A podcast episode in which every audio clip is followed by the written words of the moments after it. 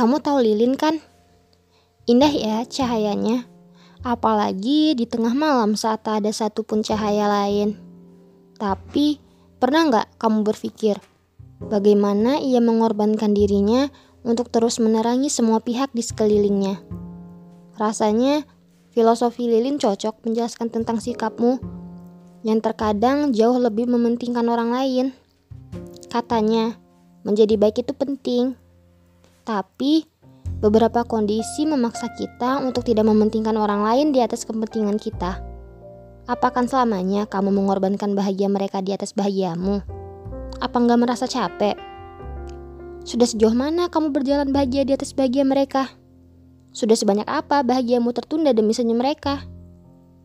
Kamu juga butuh bahagia. Jangan melulu memikirkan tentang rasa mereka. Rasamu butuh perhatian juga. Memang pernah mereka memikirkanmu, memikirkan apa-apa saja yang telah kamu perbuat.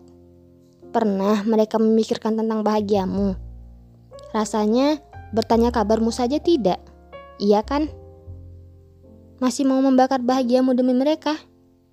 Dear, hatimu juga perlu rehat, perlu tenang dan ditenangkan. Dia tak hanya bertugas menenangkan, hatimu pun rapuh sama seperti mereka. Tak perlu menjadi lilin untuk semua pihak, sayang.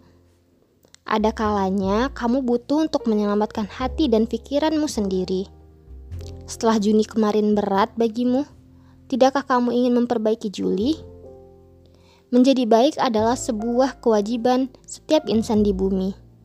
Tapi bukan berarti dengan menjadi keji terhadap diri sendiri. Mulai sekarang, Stop ya nyakitin hati dengan bahagia di atas bahagia yang bukan milikmu.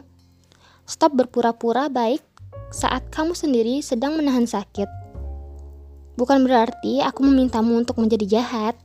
Tapi, please, jangan sisa diri lebih lama lagi. Kamu butuh untuk sesekali mengakui kalau kamu sedang tak baik-baik saja.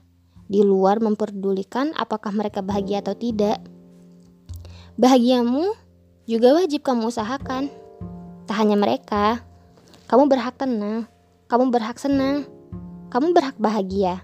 Jadi, tolong menjadi baik untuk diri sendiri. Aku percaya kamu bisa menjadi lilin yang bijaksana.